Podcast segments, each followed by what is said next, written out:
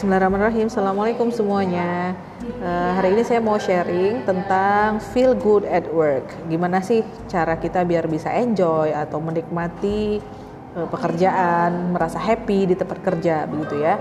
Nah, tema ini saya dapatkan ketika kemarin saya nyambung uh, master uh, salah satu topik di PO atau psikologi organisasi. Mudah-mudahan bisa bermanfaat khususnya bagi teman-teman yang bekerja ya temanya itu uh, job crafting. Jadi tadi biar feel good at work tadi atau biar happy, biar enjoy menikmati pekerjaan, salah satu caranya adalah dengan job crafting ya. Uh, dan uh, salah satu tema tambahan yang akan saya share juga mengenai ikigai, salah satu uh, nilai hidup orang Jepang ya. Nah, job crafting itu apa sih? Jadi job crafting itu adalah redesign the job. Jadi mendesain ulang atau merestrukturkan ulang pekerjaan kita gitu. Apa yang mau didesain namanya crafting ya. Crafting itu kan craft kerajinan tangan ya. Jadi kayak kita menghasilkan sesuatu gitu. Nah, apa yang mau diolah uh, gitu, apa yang mau di uh, crafting tadi itu ada tiga. Satu task crafting, task T A S K ya, task tugas ya. Yang kedua cognitive crafting yaitu uh, pemikiran kita mungkin yang kita coba utak atik gitu ya dan relational crafting nah e, caranya gimana? Jadi misalkan mungkin langsung tahu teman-teman kalau saya kasih contoh ya. Jadi ada seseorang OB atau office boy atau cleaning service ya di suatu rumah sakit ini di luar yang mana dia itu berada e, menjadi OB di rumah sakit orang-orang yang terkena penyakit yang berat gitu ya.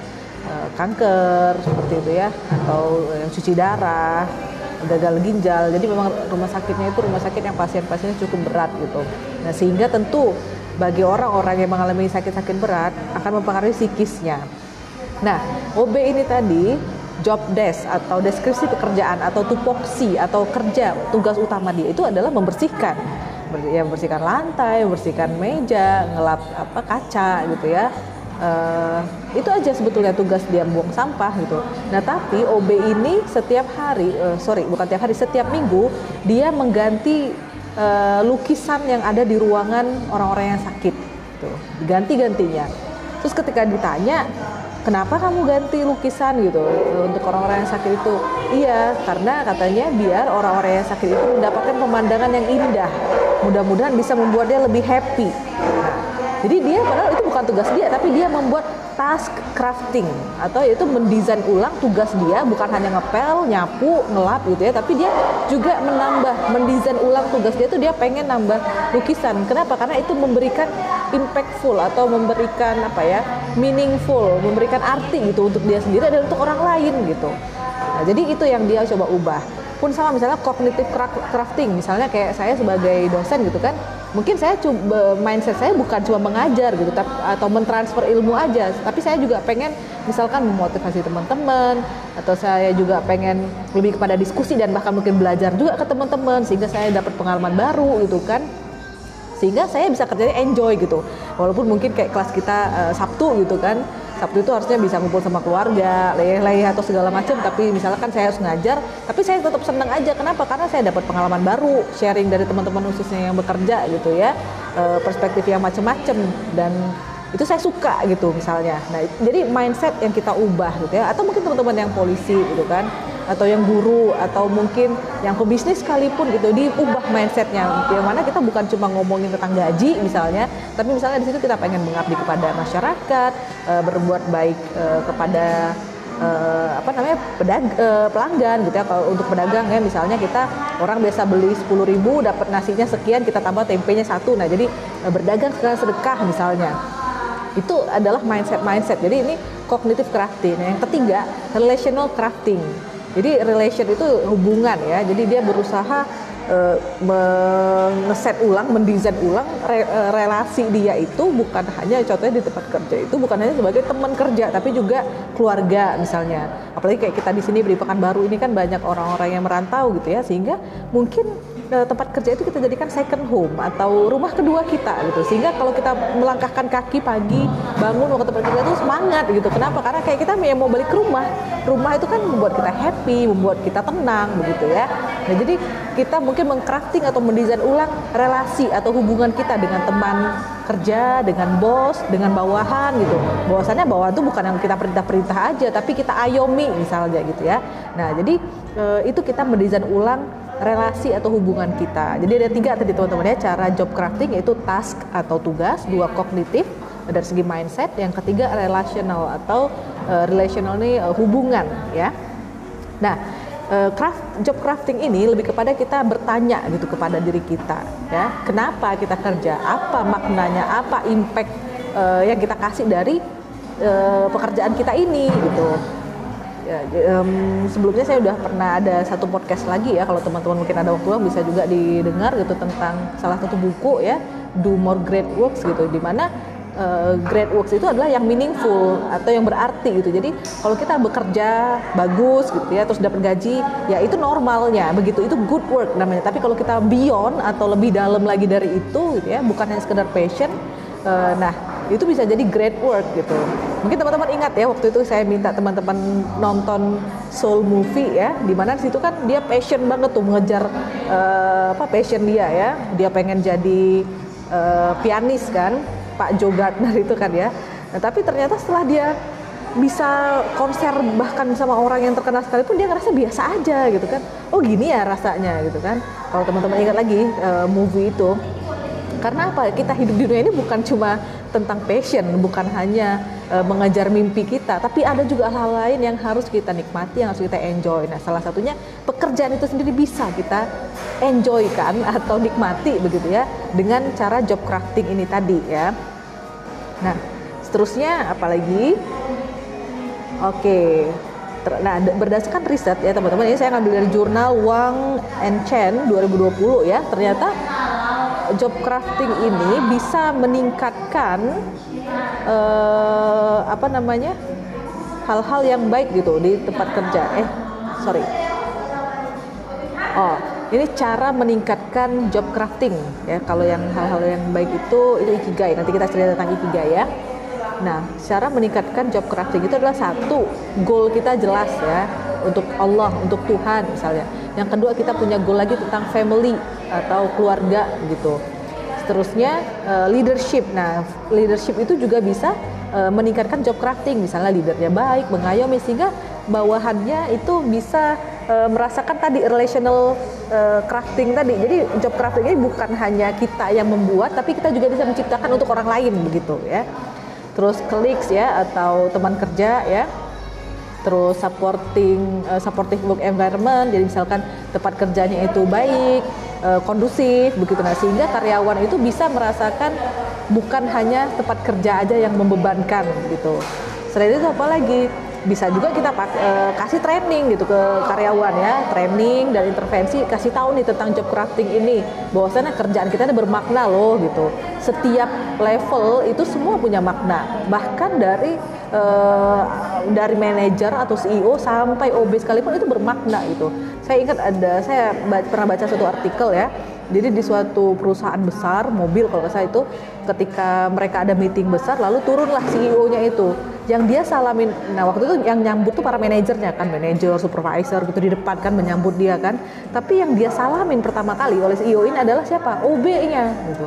Dia sangat menghargai mau level mana pun semua bermain uh, memainkan peranan di suatu uh, perusahaan atau organisasi gitu ya Nah, jadi uh, supportive atau environmentnya yang bagus atau lingkungan kerja yang mendukung itu yang uh, bisa juga membuat orang lebih enjoy di tempat kerja ya. Nah, itu job crafting udah selesai. Saya mau diskusi sampai situ aja karena takut kelamaan.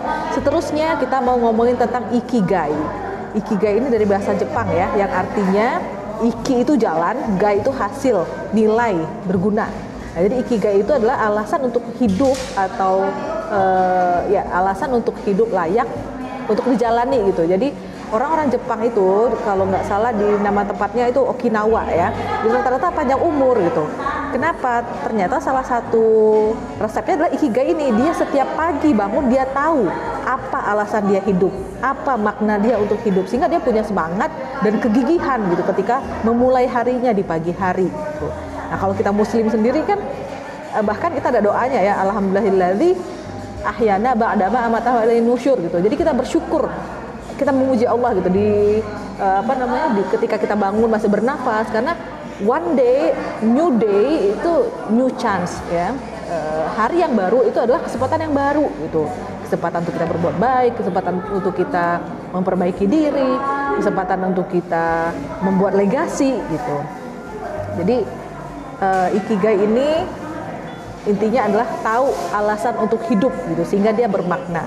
Nah Eh, teman-teman nanti bisa lihat sambil dengar podcast ini sambil dia uh, slide yang saya share ya yang mana ikigai itu ada satu dua tiga empat lima lima poin penting itu yaitu satu uh, love uh, passion sorry what you love apa yang kita suka what the world need apa yang dunia butuhkan what you can be paid for, apa yang orang bisa bayar kita itu menggaji kita, and what you are good at, apa yang kita baik gitu, uh, sorry, apa yang kita bagus uh, skill kita itu di mana gitu. Nah, kalau misalkan uh, yang kita suka bertemu dengan yang kita baik aja, ya, jadi yang kita suka sama yang kita bisa gitu ya, itu bertemu, itu jadinya passion. Jadi kita suka melakukan sesuatu uh, dan kita skill di situ gitu. Misalnya kita uh, sukanya menggambar dan kita bagus menggambar. Lalu kita kerja. Nah itu eh sorry kita melakukan menggambar melukis gitu ya. Lalu kita bisa melukis. Itu passion aja. Jadi kita bisa dan kita suka. Itu passion. Nah kalau misalkan kita e, bisa dan kita dibayar itu profesi namanya. Mungkin kita nggak suka. Jadi tidak memikirkan suka nggak suka. Tapi kita dibayar dan kita bisa melakukan itu itu profesi aja namanya Nah, tapi kalau misalnya kita dibayar dan dibutuhkan oleh dunia itu namanya vokasi, ya, eh, vocation atau pekerjaan juga namanya ya. Jadi kita dibutuhkan oleh dunia dan orang mau membayar kita itu namanya pekerjaan, ya. Yang tadi kalau kita bisa dan orang bayar itu namanya profesi, ya. Seterusnya kalau dunia membutuhkan dan kita suka melakukannya itu misi. Nah, jadi misi itu uh, orang membutuhkan dan kita suka melakukannya, tapi nggak dibayar. Itu misi ya. Tadi kalau kita suka dan kita menguasai itu namanya kegemaran atau hobi gitu, nggak dibayar juga kan. Nah tapi kalau kita udahlah kita menyukai sesuatu, kita bisa sesuatu itu lalu dibutuhkan oleh dunia dan orang membayar kita ketika kita melakukan pekerjaan itu maka itulah ikigai. Nah, jadi kalau menurut orang Jepang ini kalau udah dapat 55 poin tadi, maka dia udah bisa jadi ikigai tuh sorry bukan lima empat ya. Satu kita bisa. Dua kita suka dengan apa yang kita lakukan itu. Tiga kita dibayar pula. Dan yang keempat orang butuh gitu apa yang kita lakukan. Nah itu jadinya ikigai. Nah kalau nggak belum dapat empat poin ini belum ikigai. Kalau menurut prinsip hidup orang Jepang ini. Nah jadi kita bisa coba tanya diri kita kita berada di mana nih? Apakah kita pekerjaan yang sekarang ini kita dibayar dunia butuh nggak gitu. Dan kita suka nggak? Kalau ternyata kita nggak suka berarti belum dapat ikigainya kalau misalnya kita suka dunia butuh tapi nggak dibayar nah itu nggak bisa. Baru baru misi aja misi kemanusiaan gitu ya. Kita suka nolong orang dunia membutuhkan tapi kita nggak dibayar. Suka relawan aja itu misi berarti. Nah jadi e, begitu. Kalau misalkan udah dapat ikigai ini menurut orang Jepang itu dia kayak udah mencapai goal hidupnya lah gitu. Karena lebih meaningful ya Nah, ikigai ini berdasarkan riset mempengaruhi uh, ada ada korelasinya dengan positif psychology ya, teman-teman, di mana seseorang itu menemukan meaning atau nilai atau arti dalam apa hidupnya dan apa yang dia kerjakan. Yang kedua, dia termotivasi dan enjoy dengan apa yang dia lakukan. Yang ketiga, dapat meningkatkan social ties atau apa namanya ikatan sosial gitu. Yang keempat, meningkatkan juga kesehatan fisik dan pasti meningkatkan kesehatan mental ya. Kalau misalkan kita enjoy melakukan sesuatu kan eh, jauh dari stres dan atau depresi begitu ya. Dan yang seterusnya bisa mengatasi anxiety and depression atau bisa mengatasi uh, anxiety itu apa ya? Kecemasan nah, kecemasan dan depresi begitu. Nah ikigai ini kalau di Jepang itu memang sudah ditanamkan prinsipnya itu dari sejak mereka di rumah.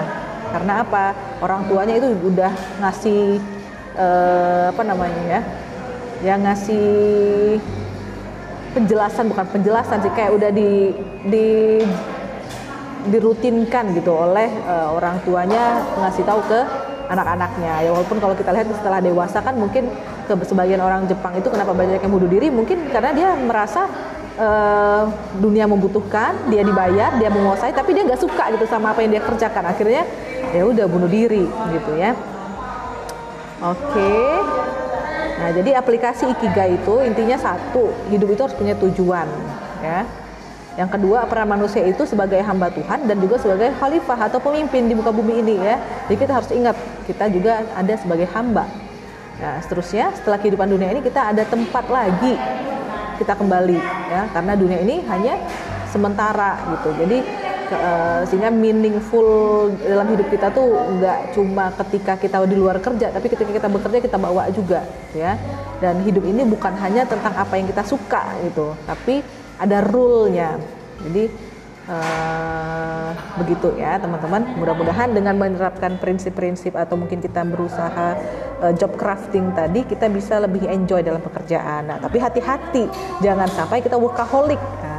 Teman-teman mungkin pernah dengar ya istilah workaholic yaitu orang yang nggak bisa hidup tanpa kerja gitu. Jadi dia nonstop kerja, terus suka sangat sangat suka kerja ya, sangat suka kerja bagus. Cuman kalau sampai mengabaikan hak-hak uh, peran-peran kita yang lain, nah itu yang bermasalah. Misalnya kerja terus sampai akhirnya mengabaikan hak pasangan, hak anak, itu bahkan hak orang tua kita atau teman kita. Nah itu ya, kurang baik ya. Jadi workaholic ini merupakan uh, dark side of work engagement atau uh, sisi gelap dari keterlibatan kita atau kedekatan kita dengan pekerjaan itu sendiri. Nah, tanda-tandanya apa? Pertama, biasanya kita kecapean, terus ngerasa nggak cukup, terus terus kita suffering atau ya letih gitu ya dari segi fisik dan juga mental. Ada juga masalah tidur, lalu ada konflik di keluarga, merasakan burnout atau overload gitu kerjaannya gitu ya Nah, jadi ini uh, workaholic uh, tanda-tandanya ya. Jadi mudah-mudahan kita bisa menghindarinya. Enjoy di tempat kerja harus, tapi jangan sampai kita akhirnya lupa hal lain saking kita enjoynya justru mengabaikan hak-hak yang lain. Jadi eh, nggak uh, seperti itu juga ya. Intinya uh, jangan sampai pekerjaan itu atau uang itu mengubah kita ya. Kita pengennya kerja sewajarnya saja gitu. Saya lagi baca buku lagom ya teman-teman. Itu salah satu prinsip hidup orang Swedia ya. Itu bagus juga gitu tentang merasa cukup. Mungkin di materi sebelumnya saya sudah sharing ke teman-teman ya tentang merasa cukup itu. Mungkin bisa teman-teman eksplor sendiri tentang lagom ini tadi. E, cukup bagus karena itu juga ada di prinsip kalau di agama Islam sendiri ada gitu. Tentang konaah ya merasa cukup terus tidak boleh berlebihan karena dalam Islam juga dibilang kan kalau sesuatu yang berlebihan itu tidak baik gitu baik sayang berlebihan atau benci berlebihan itu nggak baik juga ya. Oke uh, sekian mohon maaf kelamaan. Semoga bermanfaat. Saya sudahi. Assalamualaikum warahmatullahi wabarakatuh